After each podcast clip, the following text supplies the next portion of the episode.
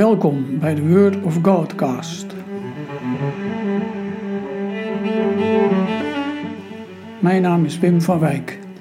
In deze podcast hoor je elke aflevering een meditatie over een Bijbeltekst, afsluitend met een kort gebed. Vandaag over geloven, of als zelfstandig naamwoord geloof. Over geloven valt veel meer te zeggen dan in vijf minuten kan. Daarom zoek ik naar een kerntypering. Geloof kan gelden als een algemeen woord voor allerlei religieuze ideeën en opvattingen. Of je gebruikt het als aanduiding voor bij welke groep je hoort. Je kunt onderscheidingen aanbrengen, zoals in de bevindelijke traditie, tussen historisch geloof en zaligmakend geloof, tijdelijk geloof en wondergeloof. Het ene meer verstandelijk aanvaarden van geloofswaarheden en het andere meer een zaak van het hart. Ik richt me op een tekst uit Johannes 11, waarin verteld wordt dat Jezus de gestorven Lazarus uit de dood opwekt. Daar staat dan, maar Jezus zei, ik ben de opstanding en het leven. Wie in mij gelooft zal leven, ook wanneer hij sterft. En ieder die leeft en in mij gelooft zal nooit sterven. Geloof je dat? Ja, Heer, zei ze. Ik geloof dat u de Messias bent, de Zoon van God die naar de wereld zou komen. Wat vind ik dat prachtig, wat Martha daar zegt. Moet je bedenken, die Martha die er toch wat slechter op staat dan Maria. Martha die druk druk is, terwijl Maria aan Jezus voeten zit. Dat is toch de hoogste plaats, zingen we graag. Maar diezelfde drukdoenerige Martha geeft zo mooi aan wat geloven is. Wat was het geval? Lazarus is ziek, wordt aan Jezus gemeld. Jezus treuzelt om op ziekenbezoek te gaan. Hij zegt iets in de trant van: Het valt wel mee, dit loopt niet uit op de dood. Jezus gaat met zijn volgelingen na twee dagen toch op weg naar Betanië. Maar dan is Lazarus al gestorven. En als ze daar aankomen, blijkt Lazarus al vier dagen in het graf te liggen. En er ontspint zich een gesprek tussen Martha en Jezus. Martha zegt, en ik denk dat dat op licht verwijtende toon is: Als u hier geweest was, Heer, zou mijn broer niet gestorven zijn. Maar zelfs nu weet ik dat God u alles zal geven wat u vraagt. Ze weet, denk ik, dat Jezus mensen geneest van ziekte. En dat had hij nu toch ook kunnen doen? Maar is het nu niet te laat?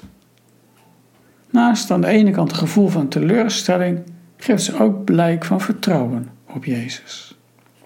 En als Jezus antwoordt: Je broer zal opstaan uit de dood, reageert zij weer met: Ja, ik weet dat hij bij de opstanding op de laatste dag zal opstaan. Dan zegt Jezus: Ik ben de opstanding en het leven. Wie in mij gelooft zal leven ook wanneer hij sterft. En ieder die leeft en in mij gelooft zal nooit sterven. Geloof je dat? En dan is haar reactie weer: Ja, Heer. Ik geloof dat u de Messias bent, de Zoon van God die naar de wereld zou komen.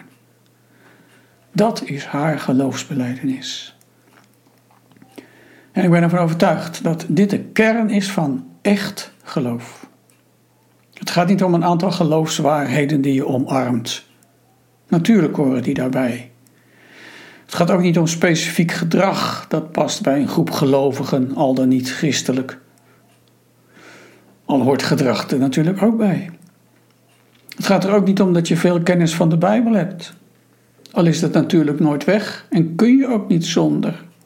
Hoe had Martha anders kunnen weten van een opstanding op de jongste dag? En wat genoemd wordt tijdgeloof of wondergeloof, kun je niet eens geloof noemen. De beleidenis van Martha geeft aan waar het om gaat in geloof. Jezus als Messias, de Zoon van God die naar de wereld gekomen is. Om deze kern gaat het. Daar draait alles om. In de schrift, in de kerk, in de verkondiging en in jouw leven. Geloven is dat je met je hart kunt zeggen: Jezus is de Zoon van God, redder van de wereld. En Hij is mijn Heer. En ik ben van Hem. Vanuit die kern bloeit het leven op. dan kan er vertrouwen groeien. Vertrouwen in jezelf, vertrouwen in je medemens. Dan kun je groeien in kennis van God en van de mens. Ja, dan word je een nieuw, ander mens, doordat Jezus Christus met zijn geest in jou woont. Om over na te denken. Hoe zou jij omschrijven wat geloven is? En hoe heeft het in jouw leven een plaats?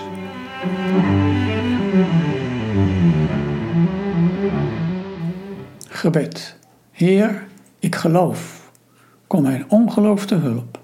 Door Jezus, uw Zoon. Amen.